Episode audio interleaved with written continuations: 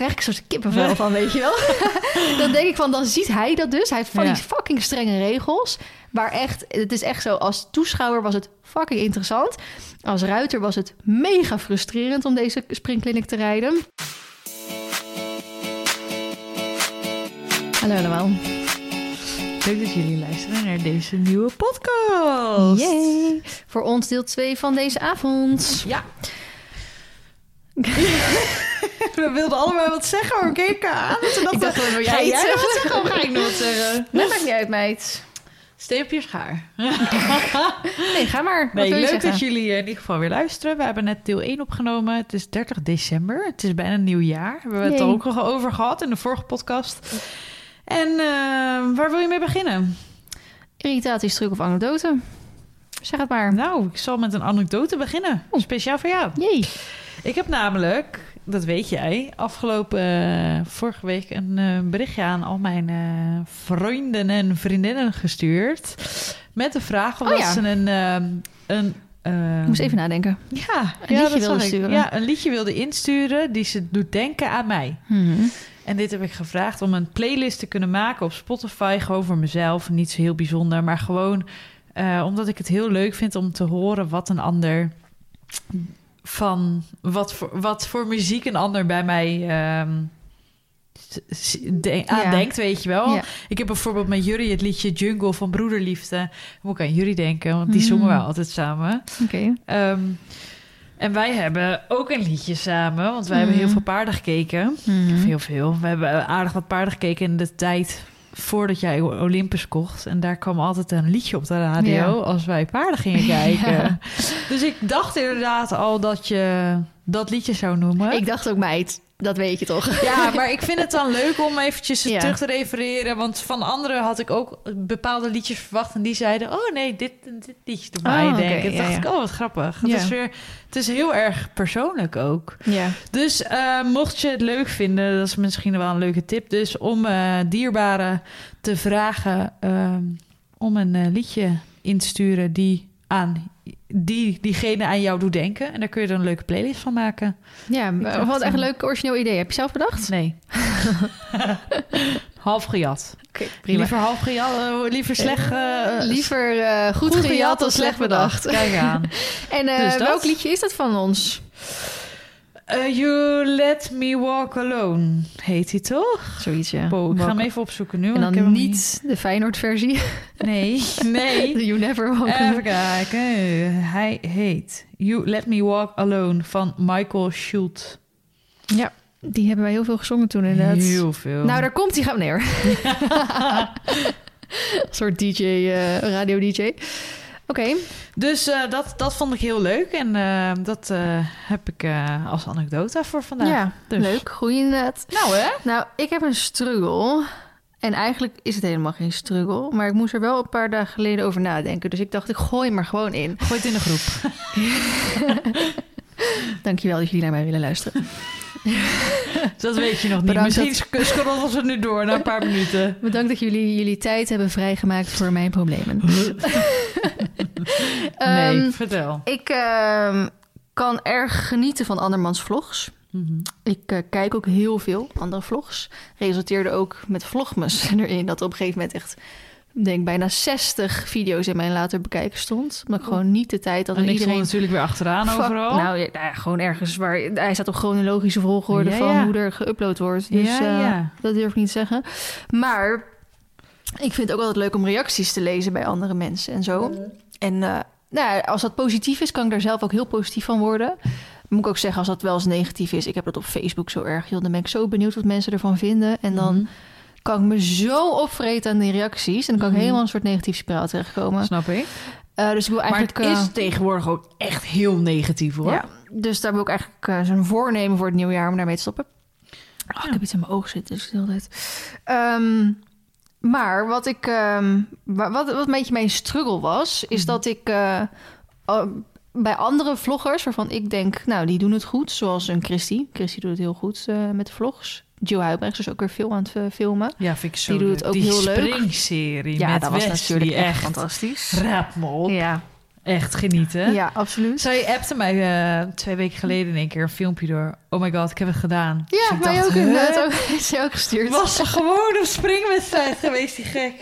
Ja. Ja, ik zeg, oh, wat Ja. leuk. Ja, Ja, vond ik heel leuk. Ja, heel, echt heel leuk. Maar toen besefte ik me wel, zij zijn ergens goed in, snap je? Ja. Jill is goed in dressuur, maar ook, eh, nou laat ik het even daarop houden, goed in dressuur. Als in ook leuk, gewoon, ze, is- ze is gewoon een heel leuk persoon. Maar Mhm. dat even, dat, is, dat wil ik nu even splitsen. Zij is heel goed in dressuur. Christy is bijvoorbeeld heel goed in eventing en in jonge Ja. paarden opleiden. Waar ben ik goed in? Snap je mijn struggle? Nee, dat snap ik niet. nou, daar struggelde ik dus afgelopen week mee. Dat ik dacht, Waarvoor ga je in één keer aan jezelf twijfelen? ja, dat had Omdat ik in één jij keer niet zo. in de sport zit en hun wel? Nou, niet per se sportsport, maar ook misschien weer wel. Want je, je merkt het wel echt aan je video's. De sportgerelateerde video's doen het beter dan de niet-sportgerelateerde Ja, video's. maar jij, bent- jij zet ten alle tijden je paarden altijd voorop. Ja, dat, dat zeker. En dan mag ik ook hopen dat zij dat natuurlijk ook doen. Maar ik, ja, ik, Dat is ik, toch waar jij ook goed in bent? ik vond dat in één keer een soort struggle. Terwijl ik heb hem natuurlijk ingeleid als in... ik heb een struggle wat helemaal geen struggle is. Want Mhm. inderdaad, ik heb nog steeds heel veel abonnees... heel veel weergave, heel veel, heel veel dit, Mhm. heel veel dat. Weet je wel? En mensen vinden het juist leuk om jou... om mijn allround leven te volgen. Van paarden aan huis. Mhm. Van de ene keer ga je wel op wedstrijd... de andere keer ga je wandelen... de andere keer doe je dit, de andere keer doe je dat. Dus... eh, dat vinden mensen ze- zeg maar misschien nog wel leuker dan iemand die alleen maar dressuur doet of iemand Ja. die alleen maar sport doet. Maar Maar Chris is gewoon heel erg aan het groeien. En ik denk niet dat je jezelf daarmee mag vergelijken, want haar doelgroep is ook heel anders. Ja, absoluut. Maar soms denk ik wel eens van... Ik, wil, ik zou ook graag zo'n onderwerp willen hebben... waarvan ik dacht, daar blink ik in uit of zo. Daar kan ik Nou, echt... Straks met mennen. Nou, daar, kan ik, daar kan ik een, een bij wijze van een... eh, als je, weet je wel... Als, als er een discussie over dressuur is of zo... Nou, van mij mag je daar Jill neerzetten. Want ik vind ja, dat zij maar daar een discussie over social media dan. Ja, maar social media is niet iets wat je, wat je uitdraagt in je vlogs. Snap je? Het is niet een, een tastbaar iets wat je kan doen. Dus soms dan denk ik wel eens van... ehm, ik wil ook net zoals... Ik voel dus... En dit leg ik dus echt volledig mezelf op. Druk om met Nacho straks ook iets in de sport te gaan doen. En dat komt omdat ik het, soms het idee heb... dat ik dan een discussie met iemand heb. Dat gebeurt niet vaak hoor. Maar... En dan probeer ik een soort punt te maken. Mhm. Ehm, en dan, dan hoop ik, omdat ik het set met Marley heb bereikt, dat ik dan toch een bepaalde vorm van ja, kennis of zo heb. Mhm. En eh, als bijvoorbeeld een, een Jill dat zou zeggen, dan zou iemand dat meteen van haar aannemen. Mhm. En als ik exact hetzelfde zou zeggen, dan zullen ze misschien denken van ja, Die heeft één keer geluk gehad. ja die heeft één keer een winstpuntje in het set gehaald, maar voor de rest eh, met de, met de fjordje, weet je wel. Ja. En als Christy iets over de eventing zou zeggen, dan zou iedereen dat aannemen. En Ja. als ik daar iets over zou zeggen, zeg ja, die heeft alleen even een oefenkostje gereden. Wat weet zij daar nou van, weet je wel? Dus soms zou ik wel eens iets willen hebben dat ik denk, nou, daar wil ik dan ook in, in geloofd willen worden of zo. Of, en daarom heb ik soms zoiets van, ik wil met Nacho ook graag me bewijzen, want dan heb ik ook straks twee paarden in het set gestart. En dan is het niet meer toeval, snap je? Dan is het niet meer toeval dat je er twee in het set hebt gestart. Nou, Of ik dat- vind dat je jezelf alweer heel veel oplegt. ja, is toch nergens voor Ja, nodig? Nee, is ook niet. Maar dat was wel gewoon mijn, mijn Snap je wel, want ik ben gedachtegang. precies hetzelfde. Ja. Maar als ik je zo hoor, dan denk ik... Ja. waar maak je toch weer druk dat om? ik, dat ik soort van hoop dat met de, hoe ik mijn paard hou... en hoe ik hem train en hoe ik ermee Ja. omga... want som, net zoals dat sommige mensen die schriktraining... die ik afgelopen tijd gedaan heb, ook zweverig vinden. Terwijl ik denk, ja, maar het maakt ons een beter team. ja. En eh, hij, of, of, de, of hoe ik hem dressuur rij... Mhm. Dat, daar ga ik straks nog wat dieper op in met een ander verhaal. Ah, maar, maar mensen hebben daar toch altijd een andere mening Ja, maar over. dan hoop en ik je altijd- kan toch nooit altijd goed doen. Dat, Dat- weten we nu ook. Ja, tuurlijk. Maar dan denk ik toch, ik zou Want gewoon zelfs- graag willen laten zien dat het op die manier ook goed is om ja, dan de dat snap ik. Maar bedrijven. zelfs, en dat weet jij ook, zelfs Jill krijgt wel eens commentaar dat het niet goed Ja. genoeg is. En zelfs Christy krijgt wel eens te horen dat ze niet goed genoeg rijdt. Ja. Ja, weet je, ook, ook hun hebben dat, dat soort struggles. Hmm. Ja, tuurlijk. En dan leg je inderdaad wat je zelf zegt. Jij legt dit echt jezelf op. Ja. Ik denk dat er niemand anders is die zegt... nou, Maar daarom, die Feline Hooy die heeft even geluk gehad met het puntje Z rijden. dat denk ik niet. Want je hebt ook 10 punten in de M2 moeten rijden. Ja, dat en is ook zo. 10 in het M1. nou, dan mag ik erom nog maar gaan dromen. Snap je? Ja, ja. Dat is niet 10 keer geluk. Nee. Nee, maar En ook ja. niet 10 keer toeval. En ook niet 10 keer een lieve jury. ja. Dus dat, dat moet je wel een beetje... Ik denk dat je dat los moet laten. Ja. En vooral dat je die druk voelt met Nacho. Want als jij die druk gaat voelen, gaat hij het ook voelen. Want het is echt een paard ervoor, hè? Jawel. Ook voor de sporter. Maar hij is super gevoelig. Ja, dat snap echt, ik. eh, Dat snap, maar ik, ik, ik wil dan een soort van voor het, voor het grotere doel laten zien dat met elk paard die 24-7 buiten staat, die op een bepaalde manier traint, op een eerlijke manier hoop ik traint, dat je dan ook ergens kan bereiken. Want soms denk ik dat. ehm, daar gaan we het straks. Sorry, ik zit heel erg te verwijzen naar. Oh, daar gaan we het straks over hebben. Maar soms dan zien mensen in van: oké, als ik de topsport wil rijden, dan moet die op stal. Hè? Want anders heeft hij niet genoeg energie. Nee, dan moet hij in Hij moet, plastic. Ehm, inderdaad, hij mag niet met andere paarden staan, want Mhm. dadelijk raakt hij gewond. En ik eh, vind, hè, we hebben het al vaak over gehad, en Maarten Simons, die... Ja, jij probeert die- dat te doorbreken. Ja, maar net zoals in Jolanda Maar- Adelaar vind ik ook. Zij rijdt gewoon Grand Prix met paarden die zonder ijzers, die Ja. heel dag buiten staan. Weet je wel? Ja. Dat vind ik, en dan denk ik, daar moeten er meer van zijn. Ja. Want, En ik snap dat je daarbij wil horen, maar nogmaals, leg jezelf het niet op. ja, dat, dat is echt een domme fout. Dat weet je Ja, zelf ja. ook. ja, dat, Dus ik- jij ik- kan ja. dat prima. Ja. Maar als jij jezelf dat te, te veel gaat opleggen, Nee, dat dan niet gaat het niet Dan gaat lukken. het mis. Nee, dat weet je ik. zelf ook. Maar dat is wel zoiets dat ik denk, oh, dat zou ik, daar wil ik aan bijdragen. ja, Snap je? maar dat doe je al. Oké. Dus daar moet je niet zo bang voor zijn. Een beetje, ja, je, hebt het nodig. Arme zieltje. Nee, maar dat is echt Ik ben zo Dat is zielig. echt nergens voor nodig, Feline. Echt Nee, niet. maar En als je het- wel? Als het wel zo zou, als je er wel op druk zou op moeten maken, dan weten wij van elkaar ook. Wij kunnen elkaar ten alle tijde bellen en heel eerlijk met elkaar zijn. als het kut is, dan zeggen we dat ook tegen elkaar. Van jezus, wat Ja. heb je als een krant gereden? Of nou, dit had ik even anders gedaan. Mhm. Het hoeft niet altijd natuurlijk met harde woorden, maar het kan ook gewoon. We, zeggen wel altijd tegen elkaar wat we ervan vinden. Ook als het niet door de beugel kan of als het. eh, ja, nou, niet door de beugel zou bij ons, als ik voor mezelf mag spreken, niet heel vaak of Nee. niet voorkomen Nee, eigenlijk. Maar als je denkt van, nou, dat eh, zag er echt niet uit of zo, Mhm. dan zouden wij dat ook tegen elkaar zeggen. Nou, hoe vaak is dat gebeurd? Nooit. Dat bedoel ik. En door. En we gaan door. Je moet dat echt aan de kant zetten hoor, want dan gaat je echt in de weg staan. Dat kan ik je nu op een brief geven. Ik weet precies hoe je bent. Ga je wat voor in je hoofd zitten. Dan gaat weer helemaal nergens over. Ja, dan ga ik volgens mijn osteopaat niet meer één met mijn lichaam zijn. Voor de mensen die dat gemist hebben, welke Twee video podcasts geleden. Dat was eh, nummer drie dan, hè? Ja.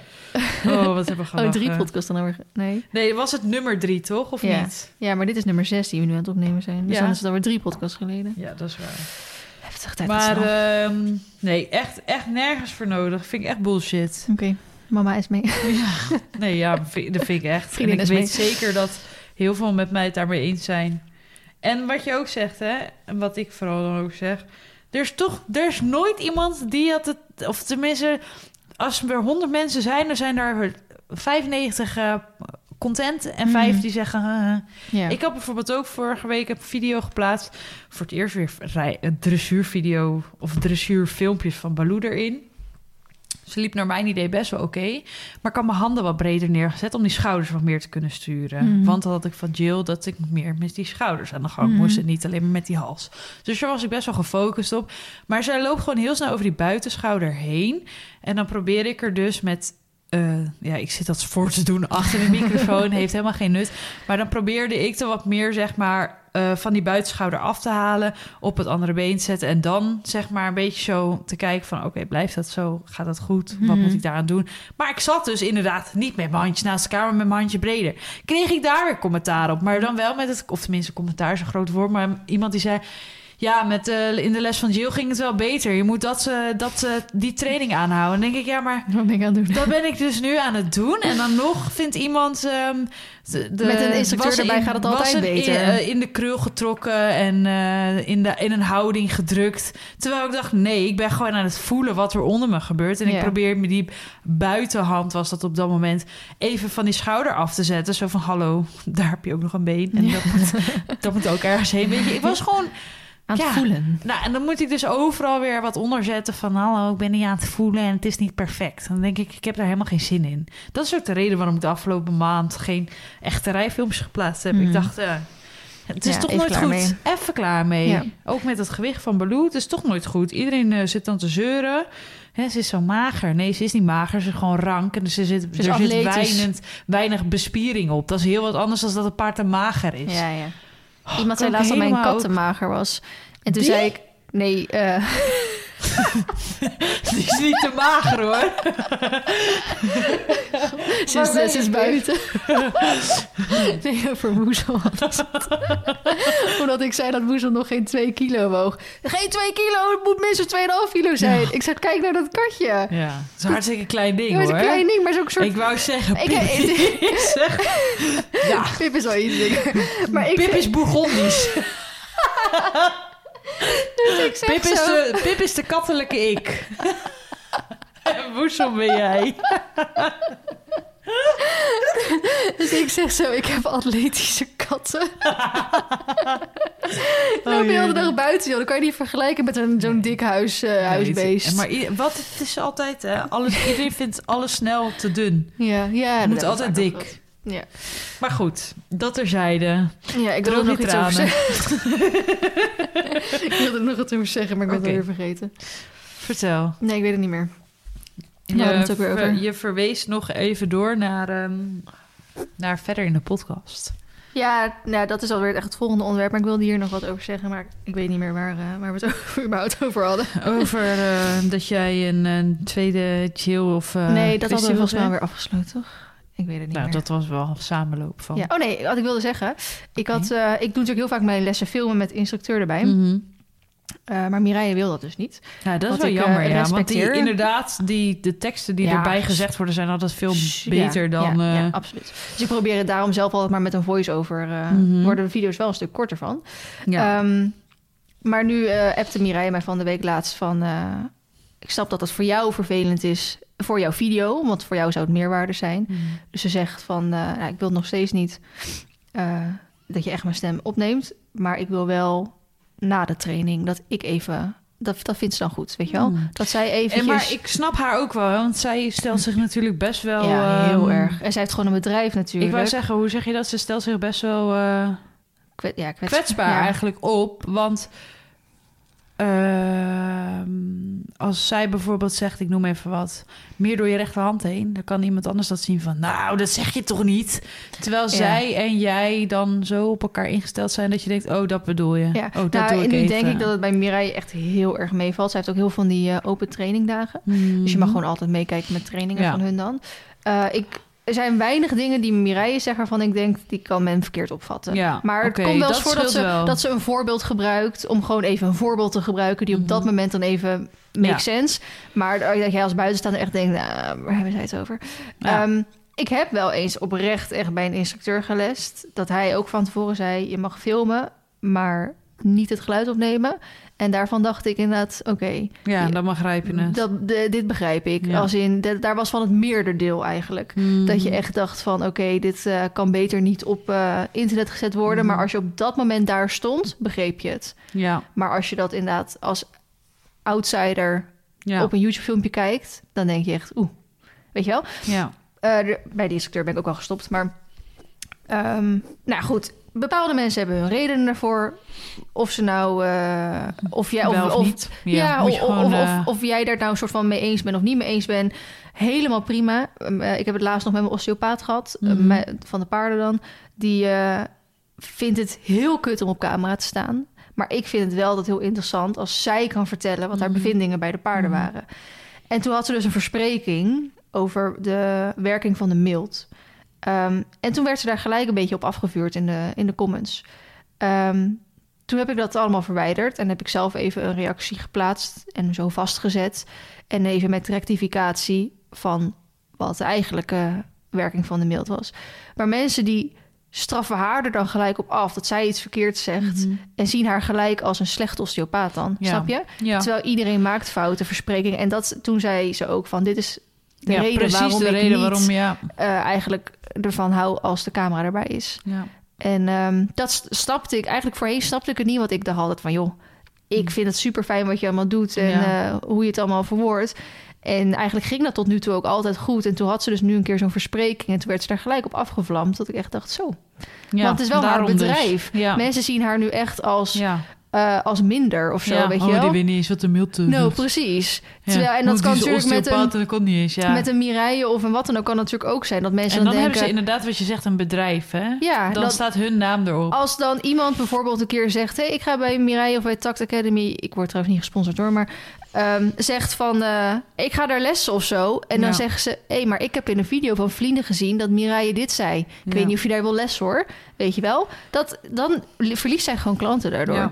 En, dat is echt gevaarlijk. met een, en ik denk eh, Astrid, die is juist heel erg van de media. Mhm. Eh, dat- Ja, omdat die is wel inziet dat ze er bedrijf groot mee kan maken. Precies, en ook die wil heel graag kennis verspreiden. Ja. doet dat op haar manier door open trainingdagen te hebben. Ja. Eh, Astrid doet dat weer op haar manier. Ehm, en een Helma, weet je wel, die is er ook misschien minder afhankelijk van.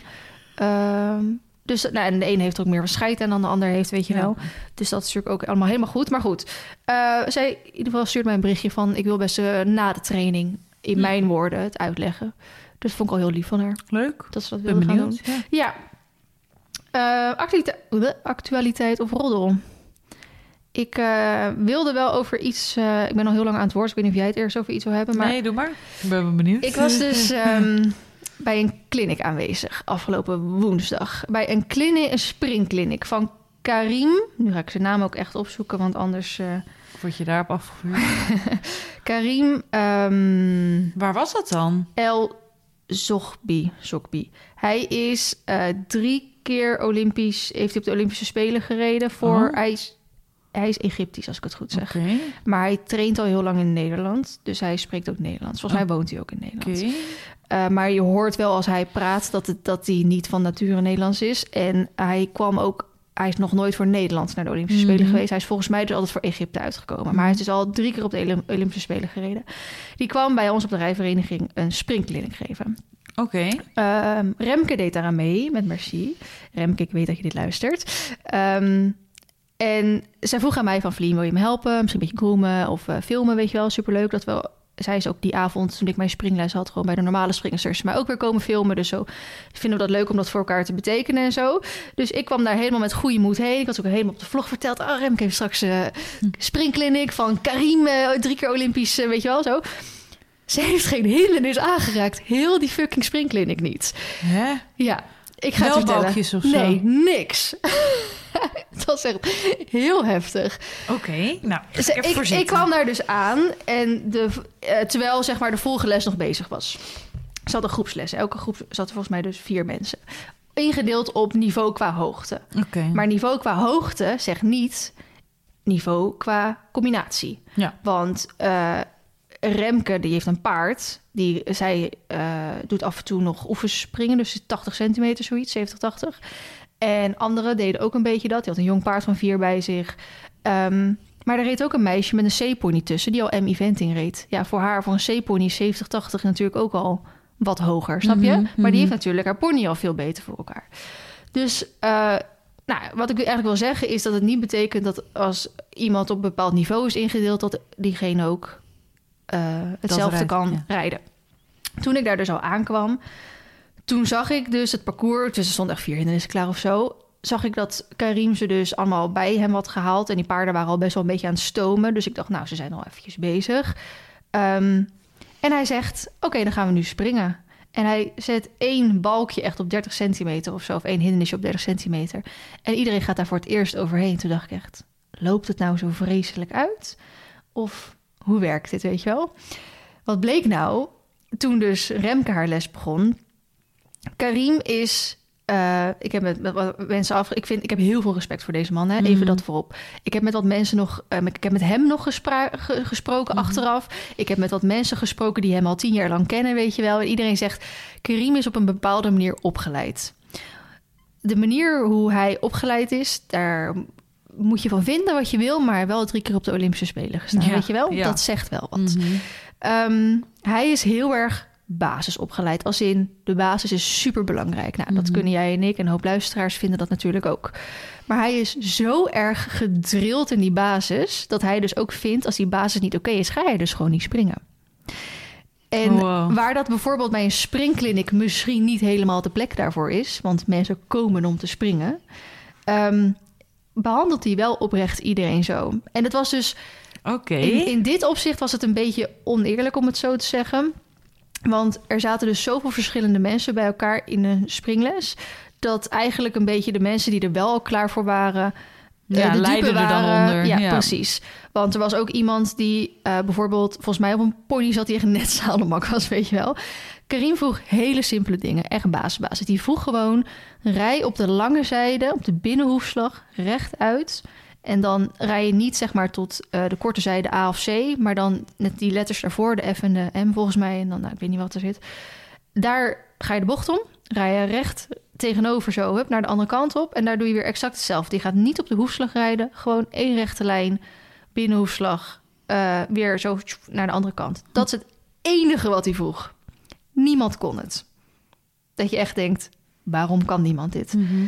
Maar die paarden, die nou, vreemde omgeving, een paar verschillende paarden bij elkaar, eh, de eh, Niveauwisseling. niveau zenuwen van de ruiters. Want die hadden natuurlijk hem al eh, gehoord eh, door, de, door de boksen heen van de, groep daarvoor. Dus iedereen wist al, oeh, hij is best wel streng. De boksen zelf, dus hij had een microfoontje om zodat iedereen mee kon luisteren. Die kraakte enorm. Ze mogen bij ons wel even investeren in misschien betere geluidszet. Dus die paarden reageerden heel erg op het geluid van die boksen. Dus er waren heel veel factoren van buitenaf waardoor het niet lukte. Ehm, sommige paarden die liepen ook hè, een, een, groot paard versus een C-pony. Hij zei gewoon, gewoon achter elkaar blijven rijden. Echt zo'n soort van manege, weet je wel. Eh, dus je houdt hem dan maar in, weet je wel. Dus nou, som, als, die, als een paard al een beetje hectisch is... dan denk ik maar niet dat hij achter zo'n C-pony gaat blijven stappen dan, weet je wel. Dus dan moet hij weer een volte, dan gaat hij weer linksaf, rechtsaf. Dus heel veel paarden die deinsen richting de, de hoefslag, hè. Want dan hebben ze steun aan die bakrand. Mhm. Dus dat ook, hij had eigenlijk zo'n simpele opgave en niemand lukt het. Ook dankzij al, want ik denk als je Remke gewoon normaal met Merci zou vragen, doe dit, dan doen ze dat zo, weet je wel. Mhm. Want ze zijn ook al L2 dressuur en zo, dus dat kunnen ze allemaal prima. Maar Merci raakte heel erg eh, van streek door het geluid van die boksen. Remke had super veel zenuwen, kan je haar absoluut niet kwalijk nemen. Dus er waren heel veel externe factoren. Ehm, op een gegeven moment, toen dat, als dat in stap lukt, ga je dat in draf doen. Nou, dat is dus ook weer best wel moeilijk op een gegeven moment. Als het in draf lukt, ga je... Ja, dat is het geluid van de verwarming. Dan ga je... ehm, eh, hoe heet dat? Op de lange zijdes ga je versnellen en dan weer op tijd terugnemen. Alsof je een soort uitgestrekte draf doet en weer, voordat je die bocht op moet, terugnemen. Dat zijn eigenlijk de drie opgaves die je uiteindelijk had. Daar is hij drie kwartier mee bezig geweest. En nog steeds lukte niemand. Tussen eh, sommige mensen, die bijvoorbeeld die C-pony, die had dat heel snel door. Hm. Maar eh, die met dat vierjarige paard. En ik eh, bedoel natuurlijk niks tegenover die ruiters. Hè, mochten ze dit eh, luisteren. Want ik kan wel heel stoer praten en denken... oh, dat was echt iets voor Marley en mij geweest, weet je wel. Mhm. Marley en ik kunnen dat. Ja. Maar ja, misschien had Mar ook wel... Zenuwen. Zenuwen of heel erg op die boksen gereageerd... of heel erg op die andere paarden gereageerd. En lukt het mij ook niet, weet je wel. Mhm. Dus ik bedoel ook niks tegenover die ruiters en hun paarden of die combinaties. Maar gewoon puur even wat ik als, als toeschouwer daar zag gebeuren. Ik vond het echt mega leerzaam. Want dan zie je wel, ondanks even de externe factoren daar gelaten, dat dus gewoon de basis niet goed is voordat mensen willen gaan springen. En we zeggen heel vaak dressuur is de basis. Mhm. Maar hoe vaak zien we inderdaad al wel paarden als een soort kip zonder kop over hindernissen heen gaan Mhm. omdat ze gewoon die balans nog niet hebben. Of weet je wel, allemaal dat soort dingen. Nu ben ik er ook zeker van overtuigd dat juist af en toe een hindernisje kan bijdragen Mhm. aan die balans. Daarom doe ik ook veel longeren met Nacho bijvoorbeeld, met balkjes of met, met of wat dan ook. Maar ik zal wat eh, puntjes met je doornemen waar hij het dan over had. Ik heb het gewoon opgeschreven. want Ik dacht, dit ga ik natuurlijk allemaal ehm Zelf vergeten proberen. zelf, zelf probe- proberen, maar ook wel vergeten. Waarvan ik dacht, dit is wel interessant om even te delen met jullie. Eh, daarbij trouwens, na Remke haar les was een groepje 100, 110 centimeter. Daar begon die gewoon exact hetzelfde mee. Maar je zag wel dat die paarden dan toch, omdat ze dus al wat hoger opgeleid waren... ehm, het wel allemaal dus veel sneller oppakten. Ja. En dat was wel mooi om te zien hoe, hoe, hoe die daarna ook dan daar wel mee ging springen. Maar ook niet veel. Ik heb natuurlijk niet bij alle lessen gekeken en ik heb hem ook niet afgekeken. Maar hij had één hindernis, heeft hij gebruikt. Al volgens mij de rest allemaal niet. En met die ene hindernis, daar hè, als eerste al die oefeningen van net, die ik net om, opnoemde, lukken. Dan gaat hij dus één hindernis pakken. En daar moet jij dan kaarsrecht op afrijden. En ook daarna weer kaarsrecht mee door tot je weer in die hoek bent om verder te gaan. Maar gewoon in normaal basistempo. Tenminste, je mag je grondtempo mag je gewoon goed houden. Maar, uh, en je moet, hij wil dat jouw paard gaat aantrekken op die sprong. Hmm. Maar dat je, dat je paard jou niet meeneemt daarin. Want het was een hindernis van nog geen 30 centimeter. Hij zegt, jullie rijden er allemaal naartoe... alsof je op een hindernis van een meter afrijdt. Ja. Dit paard hoeft alleen zijn benen op te tillen en hij galoppeert weer door. Ja. Rijd er dan ook naartoe alsof je op een normaal galopje daarheen gaat. Weet je wel? Dus je paard mag gaan trekken richting de hindernis. Dat is goed, dat, dat willen we zien. Maar je gaat hem wel tegenhouden. Want het is een fucking hindernis van maar 30 centimeter. Je hoeft er niet drie meter hoog overheen te gaan, weet je wel. En toen dacht ik echt van... Hij heeft ook eigenlijk helemaal gelijk, weet je wel. Maar Dus wel, dat doen we wel ook allemaal leerzaam. zo. En eh, ik had het later met, mijn, eh, met die springinstructeur... waar ik dus nu die eh, springlessen van heb... had ik het met hem erover. En hij zegt, ja, ik ken hem al zo lang. En hij was een keer in, weet ik veel waar... kwam hij ook een springkliniek geven. En hij had één hindernis in de bak gezet. En die mensen kwamen daar aan en dachten echt... we hadden toch een springkliniek? Die dachten echt, we gaan parcours rijden, dit en dat. Hij zegt, nee, ik heb één hindernis nodig. En eh, nou, nu, nu snapte ik ook waarom, zeg maar. Ik heb een paar dingetjes opgeschreven. Ze lopen een beetje door elkaar. Dus het is niet per se wat ik in het begin heb gemerkt of wat dan ook. Hij zei, belonen is gratis. Dat vond ik heel erg goed dat hij dat zei. Want hij zei constant als die paard het goed deed, Braaf. belonen. En dan wees hij zo naar de persoon om wie het ging. Van, je paard doet het nu goed, belonen. En sommige mensen deden dan echt zo met die vingers zo'n klein kriebeltje. Hij zegt, je paard gaat niet dood hoor, als jij hem nu beloont. Belonen is gratis. Dat is iets wat je heel uitgebreid mag doen. Jouw paard heeft het toch goed gedaan? Laat dan ook merken dat hij het goed heeft gedaan, weet je wel? Dan vond ik toch wel zoiets van, oh, het is ook, weet je, kleine dingetjes waarvan ik denk, ja, sommige mensen doen echt zo heel, zo zielig, even zo één vingertje eroverheen halen. Maar begrijpt jouw paard dan dat hij het goed heeft gedaan, weet je wel? Sommige paarden die snappen het als je helemaal, ik hoef hem niet te gaan slaan, dat, dat zijn, stappen we ook steeds meer vanaf, hè? Maar gewoon even, even goed aaien over zijn hals heen. Even tegen hem zeggen, je hebt het goed gedaan, weet je wel. Dat vond ik wel een hele goeie. Hij zei ook, proesten is het beste geluid dat er is.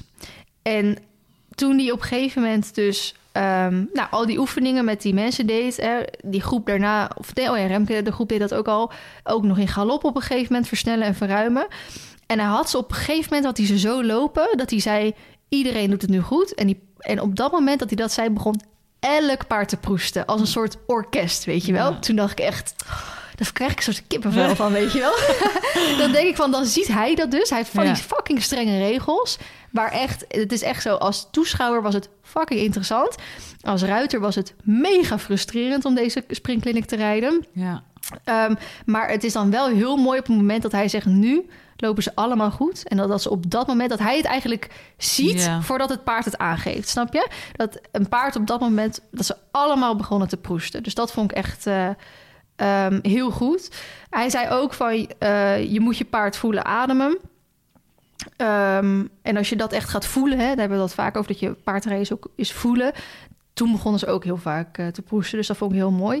Hij vertelde nog dat hij eh, in zijn leven 1100 paarden heeft gereden. Zo. Ja, echt wow. Dat ik echt denk, heb je dit bijgehouden? Of, Ehm, en hij heeft drie jaar bij Jeroen Dubbeldam getraind. Oké. Ehm, hij zegt ook van als je een keer naar eh, een groot concours gaat... en je, je gaat eh, in de losrijpiste kijken... moet je eigenlijk gewoon eens kijken. Want alle springruiters doen hetzelfde. Hij zegt ze doen allemaal deze oefening. Allemaal rechtuit, verzamelen, versnellen, hoekom...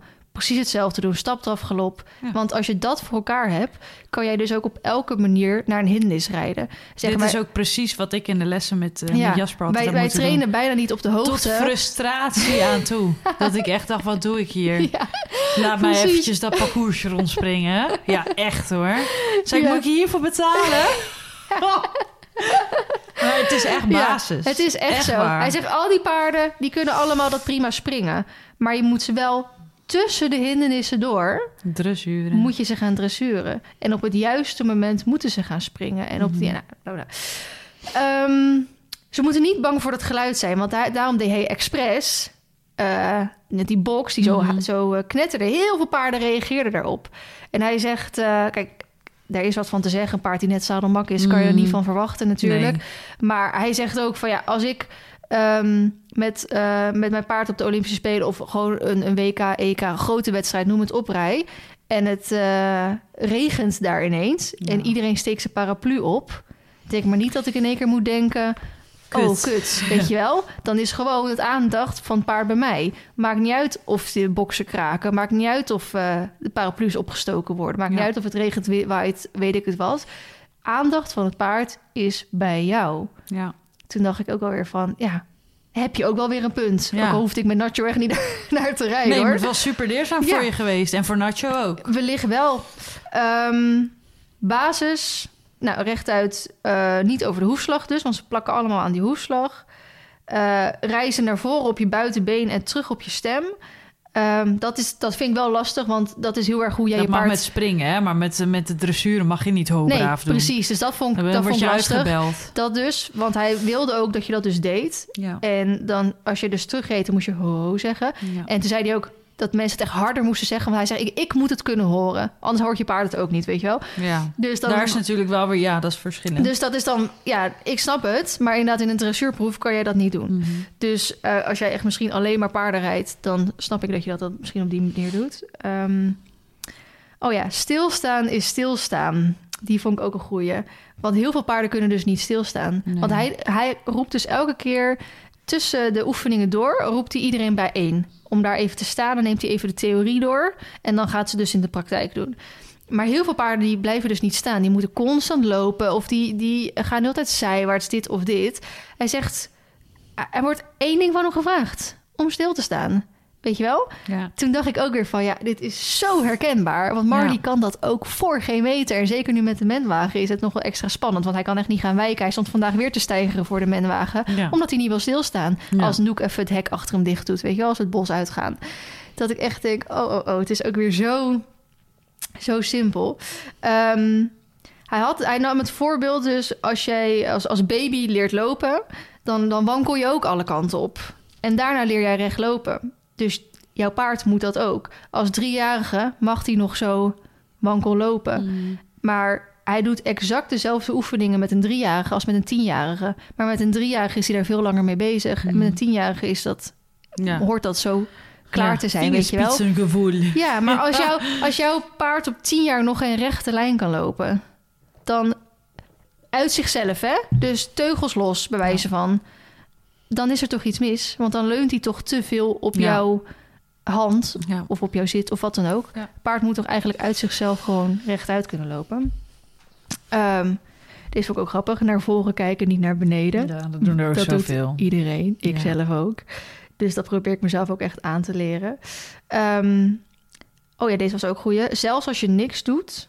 Dus als je bijvoorbeeld, hè, dat doen veel ruiters in het begin, als ze aan het losstappen zijn, nog even op je telefoon zitten. Of eh, veel ruiters die bellen ook gewoon tijdens het rijden en zo. Dan moet je paard nog steeds recht lopen. zegt hij ook. Want als ik aan het bellen ben op mijn telefoon, ben ik nog steeds die oefening aan het doen. Kan je ook prima met één hand doen, zegt hij. Vond ik ook weer zo. Grappig, hè? Ja, dat zo grappig. andere kijk. En dit is er zo bij hem ingehamerd. Ja, daarom, dat zei dus die mensen waar ik het over had. Hij is op deze manier opgeleid. Ja. Dit is er bij hem echt ingedrild. En dit is natuurlijk zijn weg naar Rome. En het is Ja. niet goed of niet slecht. Maar dit heeft wel voor hem geholpen. Nou, en wat ik zeg, hij is natuurlijk wel drie. Ik weet, ik weet niet hoe hij rijdt. Ik heb hem nog nooit in mijn leven zien rijden. Misschien rijdt Hoe heette hem... die ook weer? Eh, Karim El Zakbi, volgens mij. Misschien vind ik hem wel vreselijk rijden. Dat weet ik allemaal niet. Maar kijk, wat wel natuurlijk waar is... hij rijdt tien paarden op een dag. Ja. Die tien paarden moeten gewoon allemaal op dezelfde manier gereden worden. Want als jij Mhm. 1100 paarden in je leven rijdt... kan je niet voor elk paard een soort eigen, eigen trainingsmethode gaan toevoegen. Nee, dat kan ook niet. Ehm, dat staat natuurlijk wel pardon, een beetje loodrecht op dat elk paard een individu is.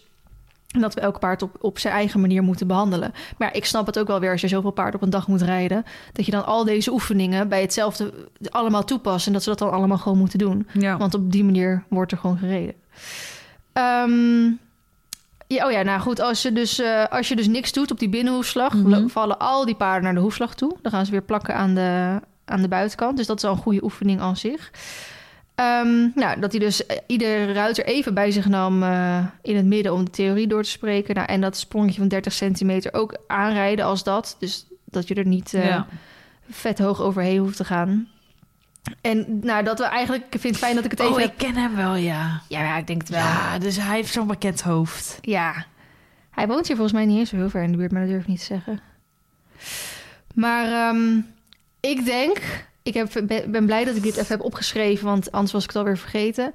maar ik denk dat, wat ik zeg, als het als toeschouwer zijnde heel erg interessant was om eh, dit te zien. En om ook met hem nog eventjes te praten achteraf. Ja. Want ik denk oprecht dat hij gelijk heeft dat veel te veel ehm, nou ja, springpaarden de dressuurbasis nog niet goed voor elkaar hebben. En dat, want dat zie je bijvoorbeeld met een Jill, Jill met Kikker. Die heeft natuurlijk fantastische dressuur. Ja. Nou, die rijdt, nu kan Kikker natuurlijk ook gewoon goed springen, maar die rijdt zo eh, dat parcours door natuurlijk. Ja. Omdat die dressuur gewoon ja, zo maar ik vond het grappig, is. want die is zo terug. Ja, Ho braaf, ho braaf, weet je wel. En ik herken dat wel zo erg. Ja. ja. dan denk ik, oh ja, maar dan moet je naar voren. het is zo tegen je dingen in. ja. Dat was heel leuk om te zien. Maar het is wel heel, heel duidelijk ook allemaal om te zien. Ja, en dat is zo duidelijk dat er bij het paard allemaal zo goed al erop zit. Ja, en dan merk je gewoon Dus, dat die ehm, basis zo goed erop maar zit. ik, eh, ik heb wel van veel ruiters gehoord die die dag die springkliniek hebben gereden... dat ze heel gefrustreerd ja, dat snap ik wel. Wat ja. ik ook volledig begrijp. Ik denk maar dan dat moet je ook geen springkliniek eh, noemen, eigenlijk. Ja, of weten hoe hij van tevoren is. Ja. Want sommige mensen wisten dat. En heel veel mensen ook niet, ik ook niet. En wat zegt met Mar had me dit fantastisch geleken. Want dan, ik denk dat wij dat wel hadden gekund. O- Ja. eh, Ook al weet ik niet hoe die op die externe factoren had gereageerd natuurlijk. Maar met Nacho had ik het echt niet hoeven doen. Nee. Dus eh, Leuk, goed Ja. verhaal. Dit was eh, ik vond het interessant eh, om ja. even te delen. Dus dit was jouw eh, speelde tea? Nou, we hebben nog wat dingetjes in ons appie staan, toch? Toch? We hebben wat juice. eh, Ehm, ja, want ehm, er was een story, die, daar doe je op, toch? Ja, maar ook 14 december zelf hebben we nog iets. ook over dezelfde persoon in kwestie. Die ja, is er ook wat gedeeld een paar weken geleden. Nee, Ja, ik Die, zit te ja. kijken dat dit echt het eerste is wat we in de... Oh ja. ja. Dus deze persoon is twee keer deze maand even in op- opspraak geweest. Ja, in het negatieve, zeg maar. Ja. Beide eigenlijk in het paardenwelzijn. Het gaat om... eh, kunnen we wel zeggen, toch? Ja. Ja, het is, het, is, eh, het is wat wij bespreken. Het gaat om Britt Dekker. Eh, die is twee keer in opspraak geweest deze maand. Begin van de... Of halverwege de maand vanwege ehm, een video van Horse Event... Ja. waarin eh, George eigenlijk een rolkuur loopt... en met de mond lo- ja, los. Ik wil open, open, Ja. open mond loopt. Ja, dat filmpje werd op eh, TikTok eh, heel veel ja, die doorgestuurd. is eh, viral inderdaad gegaan. En dan niet op een positieve manier Nee. dus.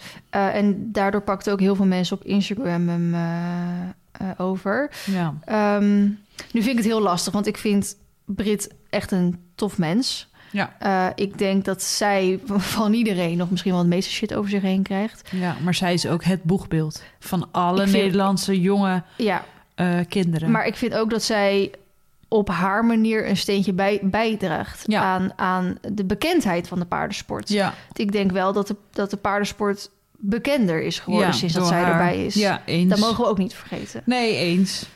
Dus ehm, dat geeft natuurlijk geen vrijbrief dat iemand een soort eh, heilig is of zo.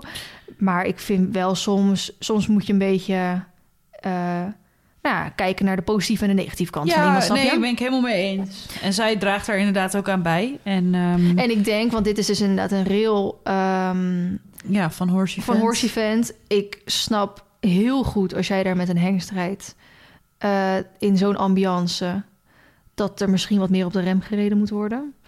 En eh, misschien zit dat dan in het ras of de opleiding, dat weet ik niet, dat hij dat op deze manier dan eh, eruit gooit. Ik bedoel, Ja. ja. ja, we zeggen dan wel, ga er dan zelf maar eens op zitten. Ehm, Nou, dat ja. maar eh, dus weet je, er is heel veel van te zeggen. Eh, dus we, we zeggen ook niet goed, fout, slecht, eh, wat dan ook. Nee. Maar het is wel gebeurd. Ja, Dat en het er- beeld is nu weer negatief in opspraak gekomen. Wat natuurlijk wel heel vervelend is voor haarzelf, maar ook voor de paardensport. Ja, Eh, want er is natuurlijk al, eh, dit is een momentopname, daar ben ik me ook wel zeer van bewust. Ehm, en dat maakt het lastig. Maar er zijn Ja, natuurlijk vooral- wel weer heel veel meningen en ehm, heel veel mensen die er wat over te zeggen hebben en wat van vinden. Nou vooral En- omdat zij inderdaad wat je zei een boegbeeld is Ja. voor heel veel kinderen natuurlijk Ja. ook. En, En, ik, en ik denk ook dat ze dat zich heel erg bewust is. zeker. Mijn telefoon is 1%. Oh, dat is ik heb hier wel een eh, oplader voor ja, je. fijn. Want ik, eh, ik denk dat zij zich bewust is dat ze een voorbeeldfunctie heeft. En ook dat ze die voorbeeldfunctie ook echt wel aanneemt. Eh, maar om daarover op door te breiden. Gisteren is de, of eergisteren is de film Silver Star van haar op Netflix online gekomen. Die was natuurlijk al eh, te zien in de bioscoop, maar die is nu. Dit is deel 2, want deel 1 was White Star Ja. en deel 2 is Silver Star. En gisteren is daar eigenlijk op Instagram ook alweer opspraak over geweest, omdat ehm, iemand schrijft: Ik blijf me soms verbazen over hoeveel bekende ruiters kunnen maken. Ik heb uit nieuwsgierigheid een nieuwe film van ehm Britt Dekker gekeken. Meerdere keren worden de paarden in deze film volle bak in de mond getrokken. Er werden losse zadels op gegooid die er dan vervolgens weer vanaf vlogen. Niks paardvriendelijks aan en ook zeker geen goede eh, voorbeelden voor de jeugd die zo'n fan is. Juist iemand zoals Brit zou de hele film er bovenop moeten zitten dat de beelden vriendelijk zijn en je een goed voorbeeld geeft aan de kids. Jij hebt hem gisteren ook gezien, hè? Ja, ik heb hem gisteren ook gekeken. Hij stond op Netflix en ik wilde inderdaad ook uit nieuwsgierigheid. eh, Ja, ik had voor- hem bijna voordat geklikt. ik eh, dit zeg maar had gelezen, maar eh, wilde ik het ook eh, zien. Ehm, ik eh, vind daar wel wat van, ja. Dit is een film, dus dit is eh, in scène gezet. Dit is Mhm. meerdere keren opgenomen, zoals ik dan denk. Dus dit is niet per se een momentopname. Mhm. Dit kun je Tien knippen en plakken. En het moet inderdaad meerdere keren overnieuw gedaan worden. En ehm, als dit het normaalbeeld wordt, dan gaan wij wel grote problemen krijgen in de paardensport, denk Oh, ik ik. ben eigenlijk heel benieuwd naar... eh, Ja, het, is nou, het lijkt nu alsof het... eh, het, het is verder een, een leuke film en het is echt een kinderfilm. En eh, een goed verhaal zit erbij. Heb je White Star ook gezien of niet? Ja. Vond je het Ja. een beetje te vergelijken of was het juist weer heel anders? Wel weer anders. Oké. Ja. Eh hoofdrolspeelster heet ook Esmee. Oeh. Alleen dat is goede wel echt eh, heel leuk. Ehm, maar ja, ik, ehm, ik vind daar wel wat van, ja. Ja, ik, ik vind, vind het hem- vooral jammer. Ja, dat, is, dat je goed, denk ik. Want het is weer een beetje hetzelfde als... Ik denk dat we best trots kunnen zijn, om het zo te zeggen... dat iemand als Brit een paardenfilm maakt. Want bijna al die films komen uit Duitsland, hè? En Bibi Ja. en Tina, Tina en Wendy en Dixie. Ja, Hoe vet is het dat we na een Penny Shadow... ook Ja. weer een, iets nieuws hebben... ja waar we waar ik vind het echt, het verhaallijn en alles erop en eraan... is Ja, verder echt helemaal maar goed bedacht. ik ben het wel mee eens, ook al heb ik de film niet gezien, dat daar naar gekeken moet worden. Want dat was voor mijn liefde voor paarden. Heb ik de eerste aflevering. Ik heb geëist dat ik de eerste aflevering wilde zien. Want ik wilde echt voor waken dat er maar één paard met zijn mond open stond. Dat er maar Mhm. één keer iets verkeerds in beeld ja, kwam. negatiefs in beeld ja, kwam. want dat, dat wilde ik eh, gewoon niet. Want ik heb ja. gewoon gezegd, dat is wat mensen straks zien. Hè? Je gaat nu een nieuwe paardenserie online zetten... eh, waar mensen al een hele hoop meningen over hebben... omdat het fucking commercieel was. Ehm, maar als er straks één keer een paard met een open mond te zien is... dan Ja. gaan ze daarover praten. Ja, en, niet... over hoe leuk de presentatie was. ja, maar dat is natuurlijk wel zo. Ja, En ehm, ik eh, vind het, ik merk dat ik het aan mezelf lastig vind om zeg maar daar een heel eh, hele open mening over te hebben of zo, omdat ik mezelf ook in dit wereldje begeef. Dus ik weet hoe vervelend het is om negatieve reacties te krijgen. Mhm. Eh, of negatief feedback of wat dan ook. Ehm, en ik ben me ervan bewust dat mensen die mijn filmpjes kijken... eh, mij misschien ook wel zien als een voorbeeld. En dat zal Brit natuurlijk ook wel heel erg hebben. Maar dan denk ik wel, wij filmen ons real-life leven. En dat gaan we niet tien keer opnieuw doen. En een film is helemaal in scène gezet. En kun je gewoon veel beter corrigeren waar nodig. En ik vind het gewoon jammer dat dat naar mijn optiek beter had gekund. Ja. Maar dan, ik, ik vraag me af of daar dus een reden achter is.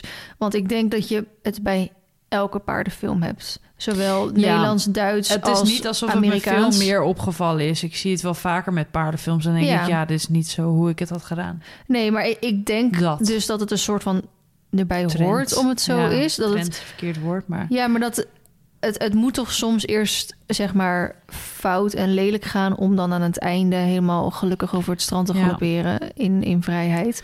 Ja. En, en een, een, een paard die achterover valt omdat de, de, het script zich daarvoor leent of, of gehinnikt of iemand ervan afgooit.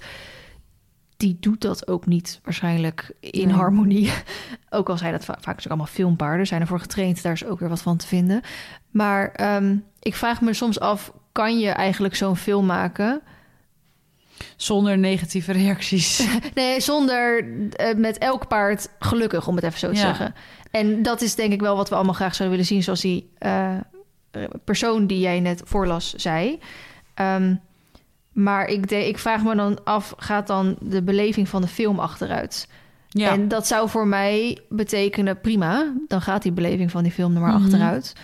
Uh, maar ik denk dat filmmakers daar dus anders over denken. Dat Ja. is eigenlijk het punt wat ik probeer te maken. Ja, ik denk sowieso ook dat het een kwestie is van een ander soort denkwijze. Want dat is ook waarom je nu dit soort verschillende meningen krijgt natuurlijk. En een, een filmmaker die niks met paarden heeft, die kijkt er heel En anders naar dan Aan de ene kant denk ik ook van, weet je wat is? Zij, die, de mensen die deze film kijken zijn veel jonger. Dus dan denk ik, valt die het wel op. Ja, dat vraag ik me ook af. Want ik, als Toen ik ik tien terugdenk... was, denk ik echt niet, oh... Nee. Als ik terugkijk naar Penny Shadow of een ander soort film... dan zijn dat niet de plaatjes die mij bijblijven. Snap je? Nee. Terwijl Ja. ik volgens mij twee jaar geleden of zo... nog een keer voor de grap Penny Shadow heb aangezet. Nou, toen irriteerde ik me ook dood aan alles... Ja, wat, wat daar niet helemaal door de nou precies kwam. dat. Dus ik denk in die zin dat, eh, dat daar ook wat voor te zeggen is. En dat wij als publiek zitten er natuurlijk al zo enorm op.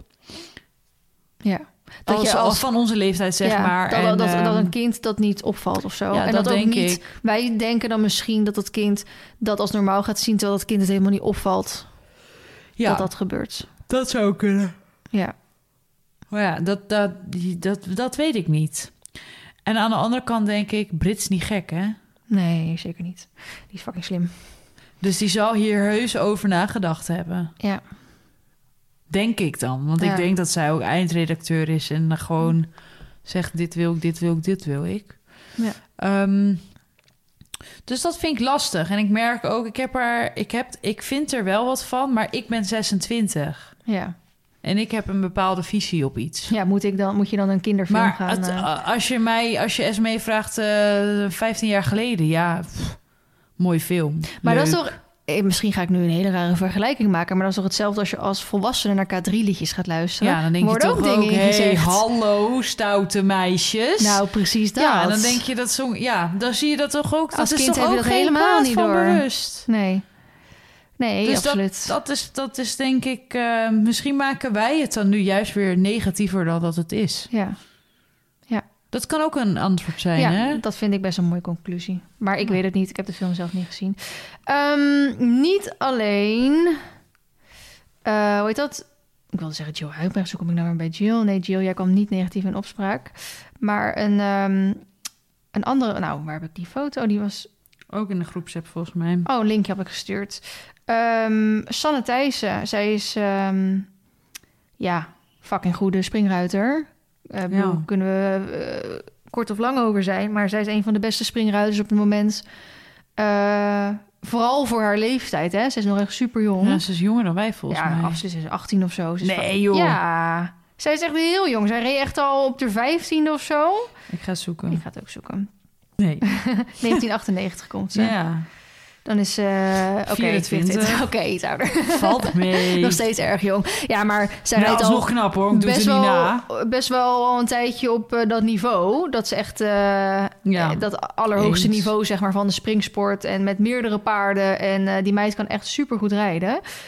Maar toen was er dus ook een filmpje van haar in opspraak. En dat was een filmpje van Horse World TV. Dat is een, ehm een streamingsdienst, platform van Matt en Jesse.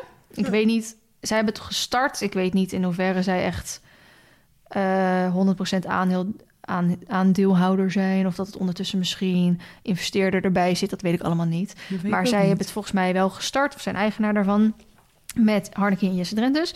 Ehm, zij, ik vind wel goed wat zij doen als in, ze eh, hebben echt een andere doelgroep, of tenminste een ander soort video's die zij maken. Ja, wel heel informatief volgens mij, hè? Nou, deels informatief, dus echt als ze bij grote ruiters langs gaan voor... ja, een eh, hele mooie stallen. Dat en zie ze ik doen wel die, altijd die luxury stables ja. eh, tour. En soms dan doen ze wel eens zo'n sneak peek op, eh vooral eh, bij Ja. Matt op zijn kanaal zetten. Ik weet nog heel goed dat ze toen bij Stal Tops volgens mij langs gingen. En dat die vrouw dus zei, ja, ze komen één uur per dag buiten. En als ze gek doen, worden ze weer naar binnen gehaald, want ze moeten hun energie sparen voor de trainingen. Nou, toen ging internet los, joh. Niet normaal. Ehm, maar goed, nu ging dus ook iedereen los onder dit filmpje van Sanne. Want zij eh, is volgens mij dus een paard hier uh, dressuurmaat. Zij ging volgens mij laten zien hoe je een springpaard dressuurmatig Op haar eh, manier traint. op haar manier traint.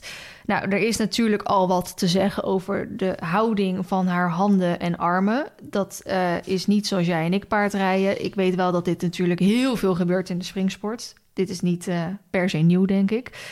Ik val persoonlijk erg over ehm, het spoorgebruik. Eh, je ziet eigenlijk elke pas die het paard zet. En San heeft een heel stil been. Dus het ligt niet aan dat zij, geen, dat ze onrustige benen heeft of zo. Nee. Maar ze prikt, want je ziet echt een deuk in het paard zijn buik, zeg maar. Van die spoor die elke keer erin gaat. En als je dit filmpje met geluid luistert, dan zegt ze dan volgens mij ook iets in de richting van... ja, dit paard is eh, een beetje lui in het been of die is eh flegmatiek of die is dit. En dan denk ik, ja, ik vind daar wat van. Als zij, als zij op dat moment zegt, dit paard reageert niet goed op de hulp of zo... en ik zie wel echt alles wat er gebeurt, die spoor in zijn buik stoppen... dat ze waarschijnlijk niet expres doet... Ehm, dan denk ik van, ja, dan snap ik dat. Maar goed, dit is, dit is letterlijk een filmpje van nog geen 10 seconden... Ja. waar ik deze, dit uit concludeer. Hè? Dus Ja. misschien heb ik het helemaal bij het verkeerde eind. Maar dit is een filmpje dat online gezet is met een reden. En eh, dit is dus de content die ik zie... Mhm. en daar waar ik een En waar mening, jij je mening waar over ik een vormt, mening over vorm. Zonder dat je dan inderdaad een hele video ziet. Maar dit is wel hetgene wat naar buiten wordt gebracht. Ja, precies. En ehm, er staan dus op dit moment tien reacties bij. Ehm, en inderdaad, het, het nou, tussen haakjes grappige wat ik wil zeggen. Ze verwijderen dus elke keer de reacties. Want nu is er dus een, een reactie van 11 uur geleden.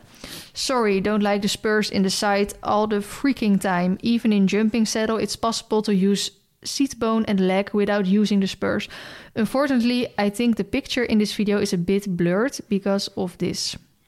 But I like uh, the meaning, the, the meaning behind the video. Lovely horse though. Sorry, just my opinion. En ook eentje van zes uur geleden. Too much using spurs.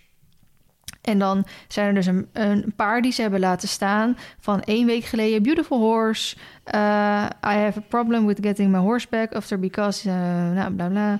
Uh, dressuur is altijd de basis, ook voor een springpaard. Maar toen ik dit, dit, dit, li- deze link dus deelde toen der tijd... stonden er tientallen reacties. Hetzelfde als die van dus die paar uur geleden onder. Allemaal over het gebruik van die sporen, inderdaad. En ehm, dat, daar vind ik ook iets van. dat je reacties eh, verwijdert. En wij ver- verwijderen ook wel eens een reactie. Hè? Ja. Nou, niet doen alsof wij heilig zijn. Maar als er eigenlijk zoveel kritiek over een video is... wat in mijn ogen best wel nou, terecht misschien is... Ehm, want nogmaals, al die mensen zien ook alleen deze 10 seconden. Mhm. Waar we over deze 10 seconden vormen wij een mening, concluderen, trekken we zelf conclusies uit. Ehm, misschien is het gewoon een kut momentopname en heeft Horse World TV dit gewoon niet slim eh, aangepakt. Eh, dat kan natuurlijk allemaal. Mhm. Ehm, maar ik- ja, ik vind daar wat van dat ze dan die reacties verwijderen en alleen maar de leuke laten staan. Terwijl echt, echt waren er echt heel veel. En ook heel veel geliked en zo, weet je wel. Ja, precies. Die allemaal over hetzelfde vallen. Dan denk ik, verwijder dan gewoon heel die video. Ja. Maar goed, dat is eh, mijn mening. Hoe daarover. En eh, dat was denk ik eh, ja, hetgene wat, wat we even wilden bespreken. Nou, Qua actualiteit. mooi. En ik wil wel heel graag even hierbij zeggen... wij zoeken wel eens vaker het randje op... over onze mening geven of over dingen die we op internet hebben gezien. Daar zeggen we soms wel een naam bij, soms er niet een naam bij. Mhm. Ehm, ik wil wel graag zeggen... Ja, hoe zeg je, hoe zeg je dit? maar dit zijn dingen die gebeuren... eh, op het internet, op Instagram voornamelijk. Ja, weet je wat is? Soms zijn dingen gewoon groot eh, online gezet. Ja. En dan vind ik dat we daar wel best wel wat over... ja, kunnen kijk, delen. Het is een stukje eh, nieuws, actualiteiten dat we bespreken. En ik heb, eh, ik zie het soms alleen zelf. Eh, soms wordt het heel veel gedeeld. Ja. Hè? Dan is het juist omdat andere mensen delen dat wij het zien. Soms wordt ook echt wel eens een keer zelfs iets naar ons toegestuurd Ja, van eh, ja. moet je dit eens zien? Ja. Weet je wel? En het staat op internet. Dus. Ehm, dan mag je het, om het even zo te zeggen, ook bespreken. En we, we willen eigenlijk nooit echt iemand echt afkatten of een kwaad daglicht zetten of wat nee, dan ook. dat doen we buiten de podcast wel. Maar ik wil het wel gewoon bespreekbaar maken. En Ja, wij zijn ook niet, eh, hoe heet dat, heilig. Nee, en wij dat. maken zelf ook veel fouten tijdens onze training.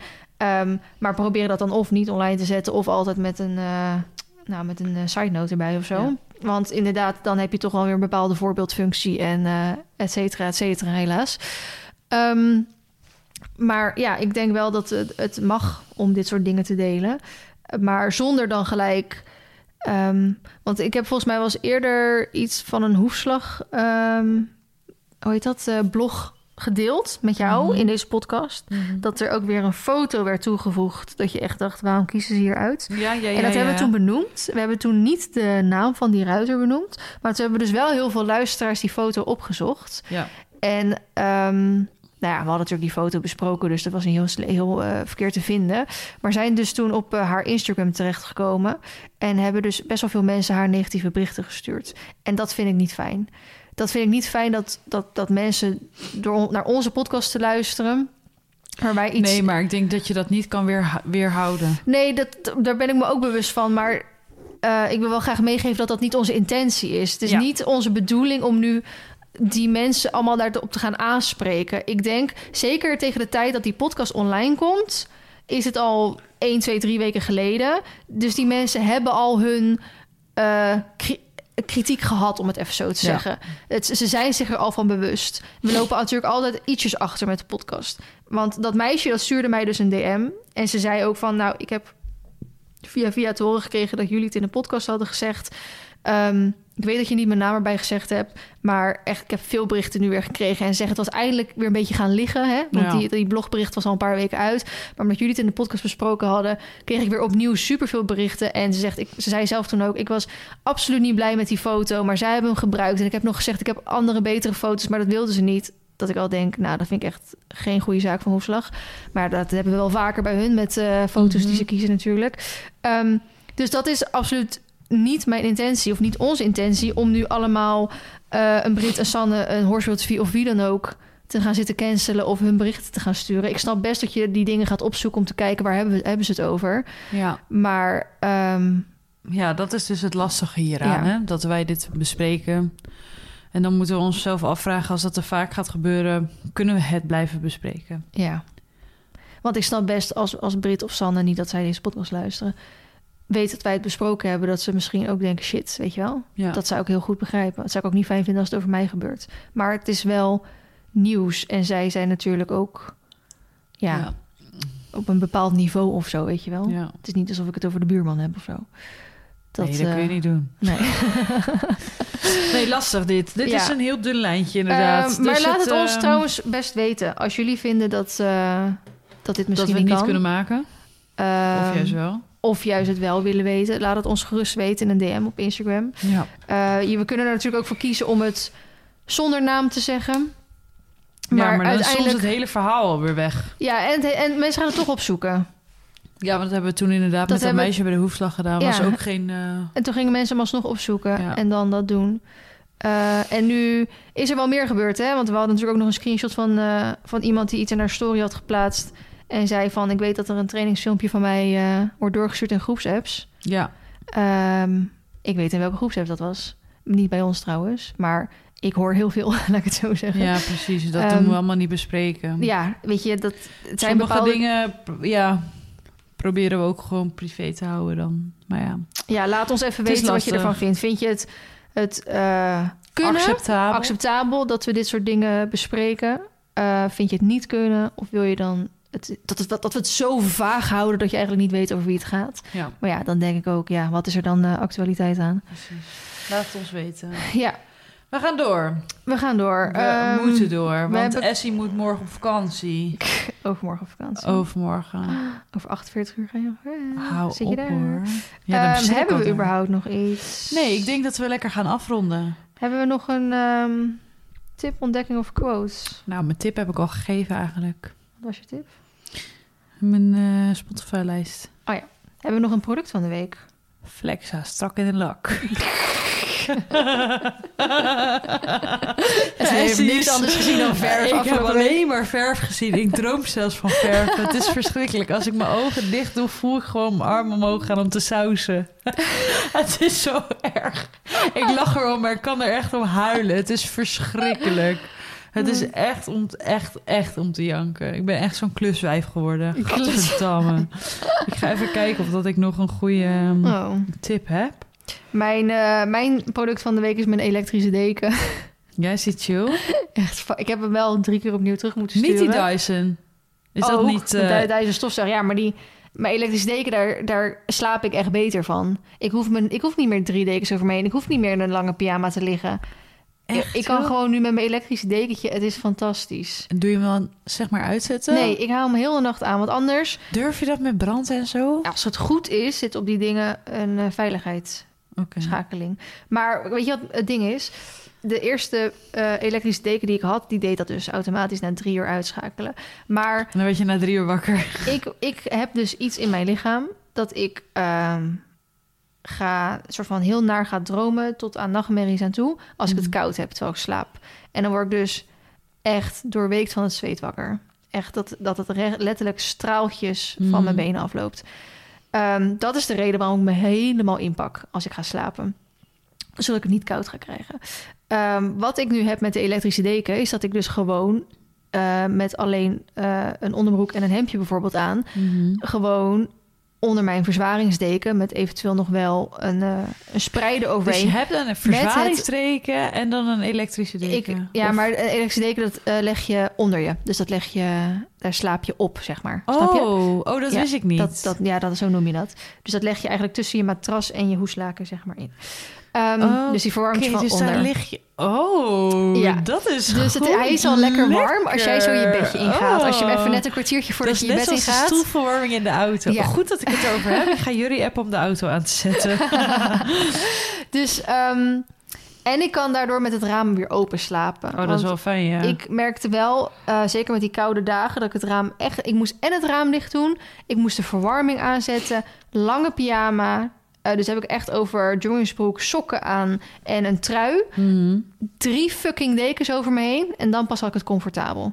Dan werd ik dus niet s'nachts wakker van de kou en nachtmerries en doorweekt van het zweet. Wat bizar dat je Ja. dat hebt. Echt heel raar. Dus ik ehm, kan nu weer de verwarming uitzetten. Scheelt weer voor de stookkosten. Ja. Ik kan het raam openzetten. Veel beter voor je. Slaap Ja, je veel slaap je beter. veel beter ik merkte ook echt op een gegeven moment... Ook al zegt Sjoerd dat het niet kan... want de kamer is groot genoeg om voor eh, een lange tijd zuurstof te hebben... dat ik echt een beetje duf wakker werd, weet je Mhm. wel. Echt alsof ik eh, zuurstoftekort had gekregen of zo. Ehm, kan ik dus nu gewoon weer slapen. En ehm, nou goed, toen had ik dus die deken die dus na drie uur weer uitdeed. Mhm. Nou, toen werd ik dus echt weer wakker, helemaal doorweekt van zweet, kou, alles. Dus eh, ik heb er dus expres eentje uitgezocht die gewoon heel de nacht aan blijft staan. En nou, als het goed is, zit er zo'n eh Ja, zo'n precies. veiligheid eh, ding op. Oké. Dus eh, ik ben er echt helemaal content mee. En eh, ik slaap gewoon weer veel beter. En ik hoef me niet meer zorgen te maken. Oh, ga ik het koud krijgen? Wat is de temperatuur in de kamer? Moet ik eh, verwarming aan? Moet de raam dicht? Ik kon, kon me er echt zorgen om maken als ik ging slapen. En dan had ik liever te veel aan dat ik het s'nachts warm kreeg... dat ik iets uitdeed, zeg maar. Dan op deze manier. Maar dit is echt een ideaal. Nou, perfect. Ja, ik Goed ben echt eh, ik eh, ben blij. Dat is mijn product van de week. Mijn Nou. elektrische deken. Fijn. Ja, Leuk, dat was hem weer. yes. Wij eh, willen jullie wel alvast een heel goed eh, nieuw jaar wensen. Oh, twee weken later, maar voor ons. Twee weken later, maakt niet uit. maakt niet uit. Hadden we eigenlijk in de vorige podcast al moeten zeggen, maar we denken er nu aan. Ja, maar ja, dan En, was het 1 jan ehm, 2 januari geweest. ja. Had eh, leuk geweest. Ja, Ja. helaas. Denken er nu pas aan. We hopen dat jullie eh, weer een heel jaar vol eh, mee gaan luisteren. Ja. Eh, we hebben het in de vorige podcast al besproken, maar zoals jullie weten is het bij Podimo gewoon gratis voor iedereen. Maar degene die een abonnement hebben, daar krijgen wij, zoals het ons uitgelegd hebben, maar dat is even afwachten, Het staat de nog steeds op 0 inkomsten euro. van. Want inderdaad, de inkomsten staan nog steeds op 0 euro. En we weten niet hoe dat dan bijgevoegd wordt of of dat bijgevoegd wordt en hoe dat dan precies werkt. Dus mocht je ons willen sponsoren, ehm, dan eh, kun je dat dus doen door een abonnement aan te schaffen. Ja. Dat is eh, de beredenering van Podimo. En wij gaan gewoon de aankomende periode kijken hoe dit zich uitpakt en eh, of dit een goede keuze geweest is. Ja. eh, of dat de inkomsten op nul blijven staan en we misschien dus wel weer beter terug kunnen naar Spotify of wat anders, omdat Podimo dus niet te beluisteren is in het buitenland. Ja, dat is wel kut inderdaad. Dus dat is voor sommigen ook weer een nadeel. Dus eh, we zijn daarmee bezig en ehm, nou, dat wil ik nog even zeggen. Oké, helemaal goed. Nou, Ehm, nou, laat ons dus even jullie mening eh, achter in onze DM'tjes. ja, slide even in de DM. Ja. Vergeet ook niet af en toe een beetje de podcast te delen. Ja, inderdaad. Vinden Want we fijn. eh, dat vinden we leuk. Kunnen Ja, we, het, eh, kunnen we we ook- proberen het zo hier en daar een beetje mee te delen. Ja. Kijk, als er 30 op een dag zijn, dan doen we er één of twee. Ja, maar precies. ehm, het is wel leuk dat je even andere mensen ook weer kwiek maakt van... hallo, deze podcast Ja. is leuk. Want ik vond juist die, eh, die laatste voor ons, dat is aflevering 4, vond ik echt een van de leukste en beste podcasts die we ooit hebben opgenomen. Ja, maar En ik die denk echt helemaal dat niet jij gedeeld. dat ook weer moet delen. Ja. Wij moeten dat ook eh, actief blijven doen. Ja. Want we hebben dat al een paar gedaan. ja, Tenminste, ik heb hem op mijn story gezet. Ja. En dan... Jij hebt ook een groot account, hè? Vergeet je niet. Goed, Jij bent ook deel van dit team. Ja, we zijn samen, hè? Met Een anderen ma- erbij. maatschap. Echt, hè? En Ehm, Annie. Tot eh, volgende week, jongens. Doei doei. Bye.